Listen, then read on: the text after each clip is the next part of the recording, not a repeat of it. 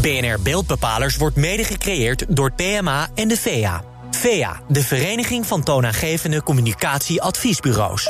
BNR Nieuwsradio. BNR Beeldbepalers. Diana Matroos.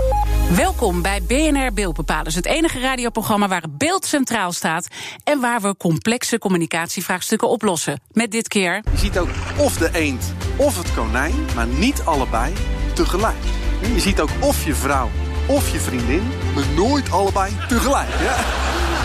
Wat gebeurt er in het brein van iemand die luistert? En dan is inderdaad niet alleen de rationele tekst die iemand zegt, maar ook hoe prime je iemand, hoe zet je hem, met welke achtergronden, welke kleuren. Al dat soort elementen vormen één imago en dat is hoe mensen jou zien. Dus je hoeft niet eens de beste tekst te hebben om uiteindelijk als beste gezien te worden. En met deze teksten weet hij volle zalen te boeien en krijgt hij mensen aan het lachen. Maar er zit ook een inhoudelijke gedachte achter. De beïnvloeding van ons brein door de juiste triggers. Want als je die hebt, dan kun je het gedrag van de mensen veranderen of zorgen dat ze doen wat jij wilt. Hoe makkelijk gaat dat eigenlijk, neuromarketing? Daarover praat ik met mijn gast van vandaag. Paul Smit, hij is filosoof en cabaretier. Van harte welkom. Uh, filosoof, cabaretier, maar je hebt ook een studie uh, gedaan als het gaat om de evolutie van ons menselijk brein.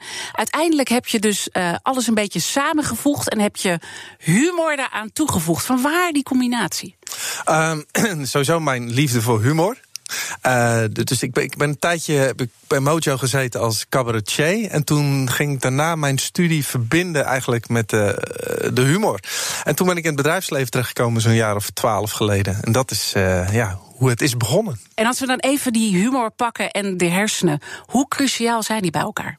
Nou, heel goed, uh, heel belangrijk, omdat op het moment dat jij iets wilt uitleggen over het brein, wat een vrij complex uh, ding is, uh, op het moment dat je humor gebruikt, creëer je een fijnere beleving en dan onthouden mensen het beter. Dus alles wat je met een emotie brengt, wordt beter onthouden. We gaan het heel erg met jou hebben over neuromarketing, want daar ligt ook jouw specialisatie. Je brengt dat altijd op een humorvolle manier als cabaretier bij congreszalen. Uh, uh, straks gaan we even praten over hoe die hersenen nu werken. Maar even de beste grap die je hebt uh, verteld onlangs. Nou ja, dat is lastig. Omdat een grap valt altijd in een bepaalde context. En, en mijn humor is natuurlijk niet als een soort mop die je zomaar kunt dumpen. Uh, dus uh, ja, nee, ik heb geen one-liners klaarstaan. Dat maar opzicht. misschien even een sublieme beïnvloeding waarvan je echt uh, ook al een beetje kan uitleggen. Zo werken onze hersenen en zo zijn we ook te voelen. Uh, ja, wat ik in mijn show veel doe, ik creëer zoveel mogelijk beleving. En ik gebruik ook soms wat mentalisme daarbij. En ik, bijvoorbeeld een heel concreet voorbeeld. Ik zet een sommetje op het uh, scherm. En dat is 12 plus 9. En dan vraag ik uit het niets aan iemand in het publiek: wat is de antwoord op deze som? Je mag alles antwoorden behalve het goede antwoord. En het antwoord wat mensen in 90% van de gevallen geven is 20. En dat komt omdat je het brein framet, maar ook omdat je uit het niets iemand een vraag stelt, gaat de adrenaline omhoog. En jouw brein wil zo snel mogelijk van mij af zijn. Dus die denkt 12 plus 9 is 21, haal ik er wel één vanaf, ben ik van die gast af. En, en nou, dat soort effecten in het publiek is altijd heerlijk om de verbazing te zien. Ja, want wat zegt dat dan? Wat is die verbazing? Nou, de, de, de verbazing is dat mensen denken dat zij zelf rationele keuzes maken. Uh, terwijl iedere neuromarketeer weet dat dat absoluut niet het geval is. Jouw onbewuste brein doet alles. En daarna verzint ons ratio een verhaaltje achteraf Uh, en die probeert te verklaren waarom we doen wat we doen. Ja, want je zouden ook koffie mogen zeggen, want je mocht het verkeerde antwoord geven. Ja, je toch? had een miljard dingen kunnen antwoorden. Ja. Alleen uh, doet jouw brein dit. Ja. En wordt jou geframed met cijfers en daardoor denken we eigenlijk op die manier uh, standaard. laten we even een kort lesje brein doen. Te beginnen met de verschillende lagen die we in ons brein hebben. Want dat is ook heel erg belangrijk voor die beïnvloeding en neuromarketing. Hoe zit dat in elkaar? Nou, we hebben, het wordt vaak onderverdeeld in drie lagen. Je hebt natuurlijk niet echt drie lagen, maar het is wel fijn om ze even uh, in ieder geval filosofisch uit elkaar te houden. Dan zie je dat het reptiele brein, het onderste deel, die wil alleen maar overleven. Dus die is bezig met: is het hier wel uh, veilig? En daar zitten al jouw routines in. Vandaar dat veranderen zo lastig is. Het is het in jouw diepste brein verankerd. Daarbovenop zit jouw zoogdierenbrein. En die denkt: levert iets mij plezier op? En kan ik pijn en moeite vermijden? Dat is voor de marketeer heel belangrijk, dat deel. En jouw neocortex, dat mensenbrein, uh, die, dat is uh, ja, de verhalenmaker in ons hoofd, onze ratio. En die probeert overal achteraf een uh, verhaaltje te bedenken. En wat jij uiteindelijk doet, is dat je dit allemaal vertaalt naar de praktijk. Om te kijken nou ja, hoe ons gedrag beïnvloed kan worden. En je staat ook in contact met neurowetenschappers om ook met de laatste inzichten uh, dat te kunnen staven. Als we dan even heel praktisch bij het individu beginnen. Afvallen is zo'n uh, terugkerend ja. element, ook in mijn leven. Ja. Ik ben weer begonnen, kan ik je vertellen. En elke keer lukt het niet. Hoe komt dat als we dat relateren aan die hersenen? Nou, hoe dat komt, op 1 januari doe jij met jouw mensenbrein, jouw neocortex, een goed voornemen. En dan, dan geloof je heilig in. Want je ja. denkt, maar nu gaat het echt anders. Alleen jouw reptiele brein denkt, ja, wacht even, dit is niet mijn routine. En jouw zoogdiersbrein denkt, ja, dit vermindert mijn plezier. Plus, ik moet meer moeite gaan doen. En die houdt er helemaal niet van. Dus je ziet dat de oudere delen in jouw brein, die veel sterker zijn, die overroelen uiteindelijk jouw mensenbrein. En dus houden mensen het maar heel kort vol. En als ik dan toch daarin wil slagen, wat moet ik dan anders doen om mijn eigen gedrag te beïnvloeden? Nou, er is natuurlijk heel veel neurowetenschappelijk onderzoek naar gedaan. Er zijn twee punten het belangrijkste. Ten eerste, snappen hoe jouw brein in elkaar zit. Dus als jij het neurowetenschappelijk begrijpt, kun je je eigen gedrag begrijpen. En dan blijkt dat je veel uh, grotere kansen hebt om te slagen. En het tweede is dat je de juiste technieken nodig hebt om die beperkte kracht van jouw neocortex uh, optimaal in te zetten. Dat zijn dus dingen die je gewoon kan beseffen en dan wordt het eigenlijk al uh, beter. Laten we die koppeling ook even maken naar reclame en marketing. Want dan past de neuromarketing daar natuurlijk heel mooi uh, bij. Hoe cruciaal is de werking van de hersenen in dat proces? Uh, nou, precies hetzelfde. Dus op het moment dat jij uh, een, reclame maakt, uh, besef goed dat het reptiele brein wil gewoon zijn routine. Dus die wil zoveel mogelijk herkenbaarheid. Het zoogdierbrein wil je triggeren op uh, plezier. En ook, ja, in Amerika noemen ze het erg de convenience. Hè? Dus maak het zo makkelijk mogelijk. En die neocortex houdt ervan om een doel te hebben. Het liefst een betekenisdoel. Dus als je op die drie aspecten jouw reclame kan, kan pointen, zeg maar. Ja, dan heb je de meeste effect. Er valt er dan nog wat te leren in die wereld? Want jij ziet natuurlijk, uh, je werkt ook in Amerika trouwens. Daar heb je een consultancybureau en daar werk je ook uh, samen met bedrijven. Als je dan kijkt naar reclames en marketing, valt er nog wat te leren in die wereld als het gaat om dit punt, de juiste manier van beïnvloeden? Ja, heel veel. Omdat uh, wat wij denken wat werkt, staat heel vaak haaks op wat werkt. Mm -hmm. dus het voorbeeld van de Super Bowl reclame, dat is een heel bekend voorbeeld dat reclameblok is super duur. Dus dat betalen, ja, miljoenen ja, hè, worden daar dus Op een gegeven moment betaalden ze voor een commercial 2,4 miljoen dollar. En toen hebben ze achteraf mensen onder de fMRI-scanner gelegd om te checken. Werkt deze reclame in dat brein wel positief? Triggert dit jouw beloningssysteem genoeg? En dan blijkt dat zo'n reclame averechts werkt. Hoe kan dat? Nou ja, dat is dus de onwetendheid op dat moment. Hè. Dus zo'n zo'n marketeer doet uh, vanuit de beste bedoelingen, creëert hij iets.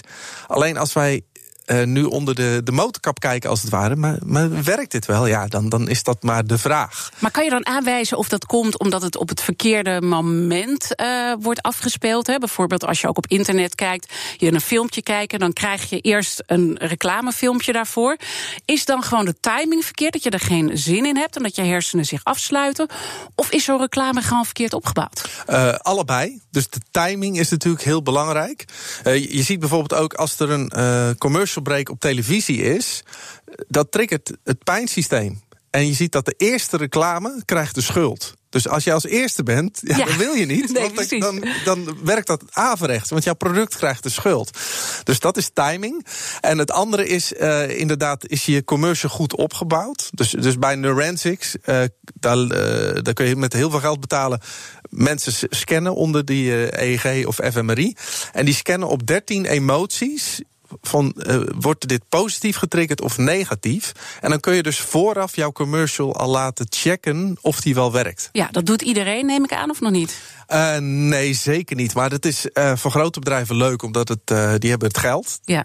maar voor de iets kleinere bedrijven, ja, ik heb niet drie ton om neer te leggen. Om, ik weet nee. niet precies hoeveel het kost. Hoor, maar... En ik, ik zag ook wel wat tegenstrijdige berichten. Dat er soms ook wordt gezegd, ja, of we daar echt nou die waarde aan kunnen ontlenen, is ook nog maar een beetje de vraag. Die, die wetenschap ontwikkelt zich ook nog. Die ontwikkelt zich enorm, zeg maar. Hè. Dus ze kunnen natuurlijk aan de hand van die emoties. Maar dan heb je dus dertien emoties waaruit je weer moet gaan afleiden werkt het wel of niet. Uh, maar uiteindelijk, als je dat combineert met bijvoorbeeld AB-testing, uh, en met, met uh, natuurlijk big data en de AI, ja, dan zie je dat we steeds meer opschuiven nadat die menselijke wezentjes redelijk voorspelbaar zijn. Als we dan even dat concreet maken, laten we even twee voorbeelden pakken. Eén reclame waarvan jij zegt dat werkt volgens jou wel en de andere niet. We beginnen wat wel werkt.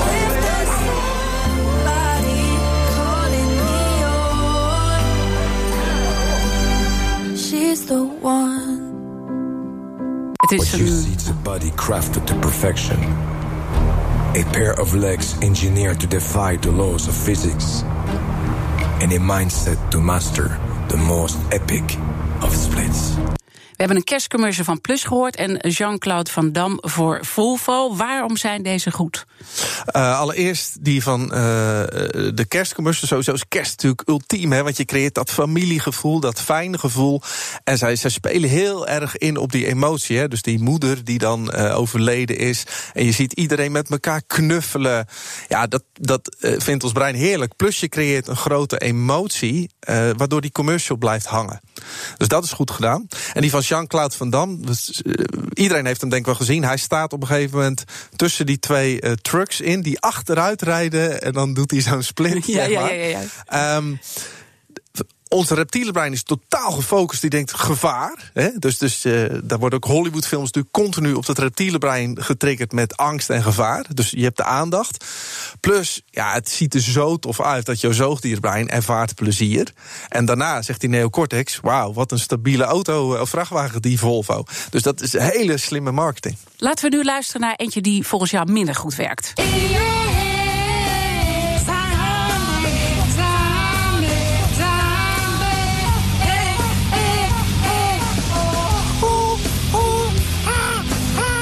Één ding is duidelijk, het is niet om aan te horen, uh, dit. uh, in deze commercial, wat we zien, rijdt een jonge man in een Renault Clio. Bij het stoplicht zingt hij dus hard mee, niet om aan te horen. Uh, met het nummer Zombie van de Cranberries en trekt daar allemaal vreemde gezichten bij. Naast hem staat een man in een Mercedes die het maar ongemakkelijk vindt. En later blijkt het zijn toekomstige schoonvader te zijn. Nou denk ik van, oké, okay, er zit dus wel humor in, waarvan mm -hmm. jij zegt dat is een belangrijke emotie. En toch zeg jij, het werkt niet. Ja, dus, dus die humor op het eind is natuurlijk een positief trigger in het brein. Want je denkt, oh, grappig, het is de schoonvader. Maar als we over die hele commercial kijken, dan zien we dat het inderdaad awkward is op heel veel momenten. En dat awkward gevoel triggert het pijnsysteem. Dus uiteindelijk werkt deze reclame averechts.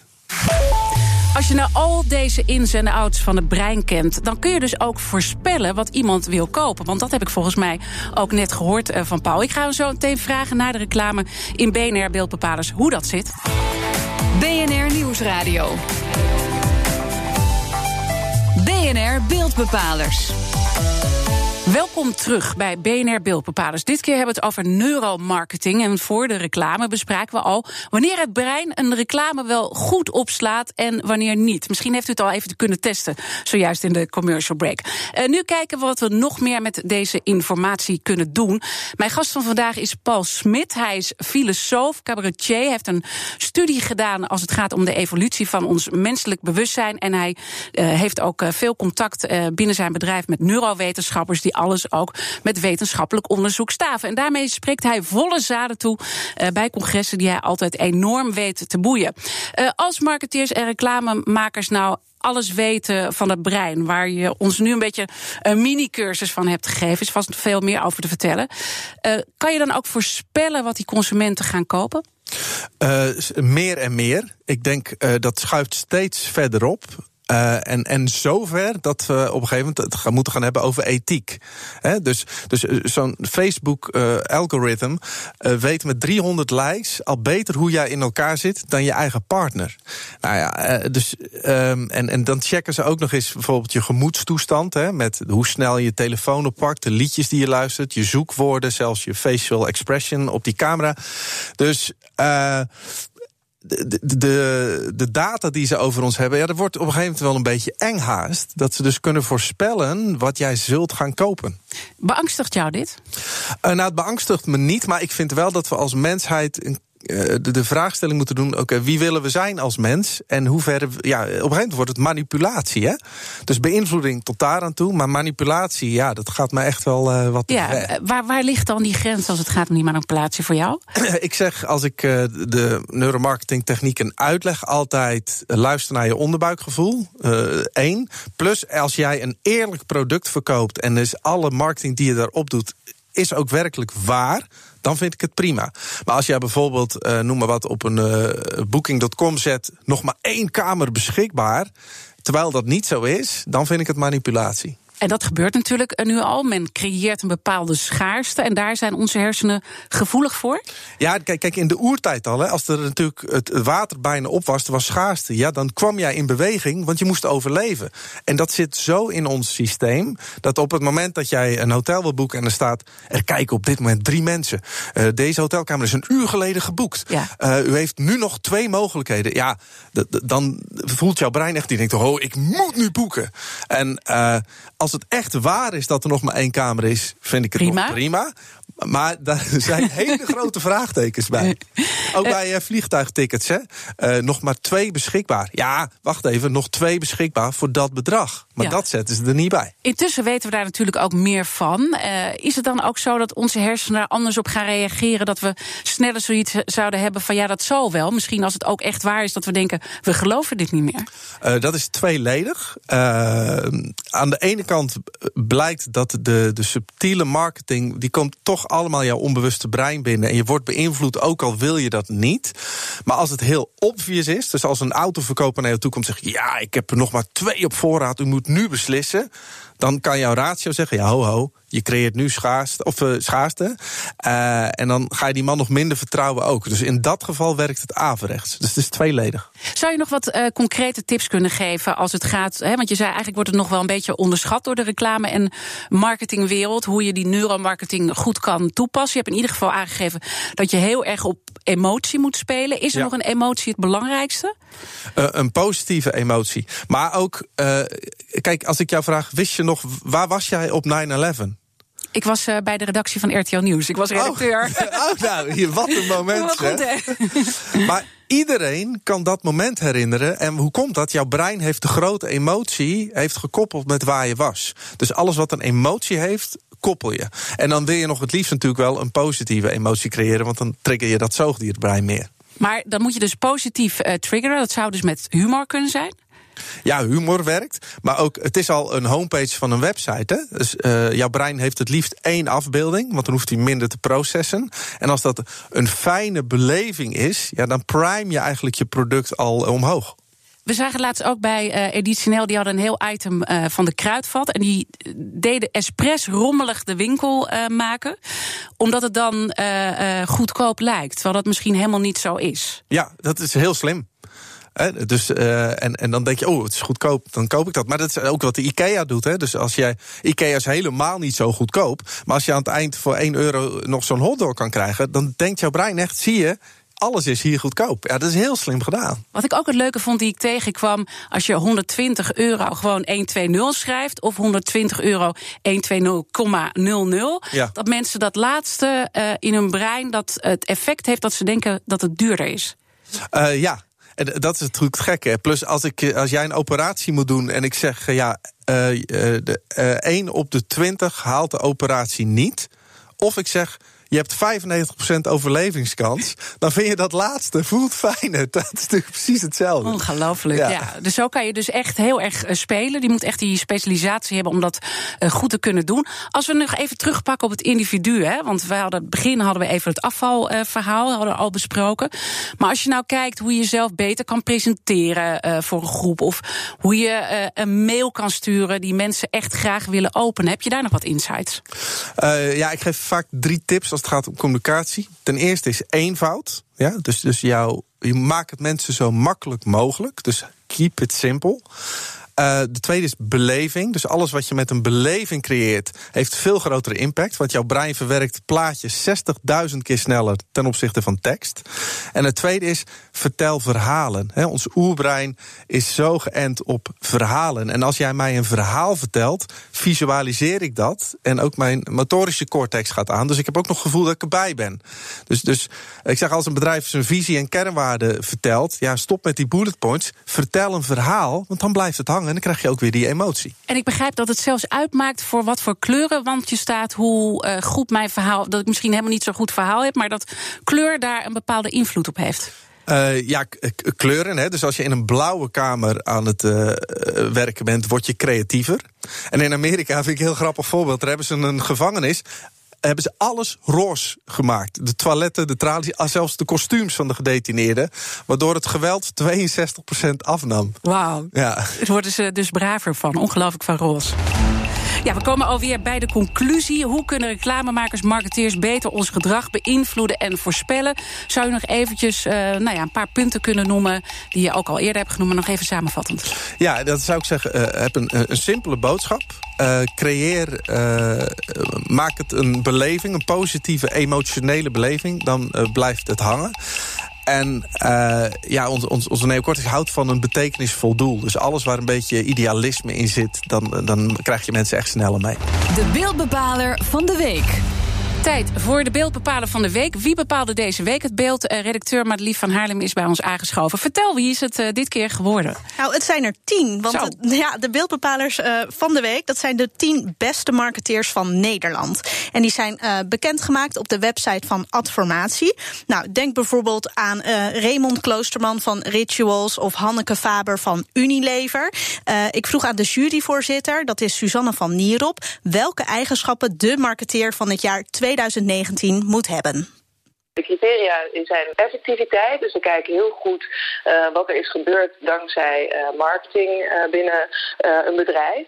een tweede is innovatie. Is diegene in staat om ja, vernieuwing te brengen in de vorm van technologische innovatie, um, data, maar het kan ook zijn bijvoorbeeld door heel duidelijk een purpose verhaal naar voren te brengen en dat inderdaad ook op hoog niveau binnen het bedrijf uit te dragen.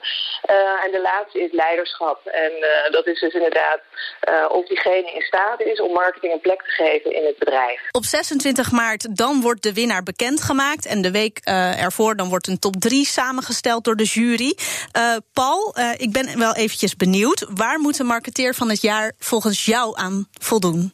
Nou, ik denk zeker uh, de creativiteit. Hè. Kom met iets unieks wat nog niet eerder is gedaan. En hoe weet je inderdaad mensen te triggeren dat ze die positieve emotie krijgen. En dat je dus daarmee je product primed uh, naar een hoger niveau.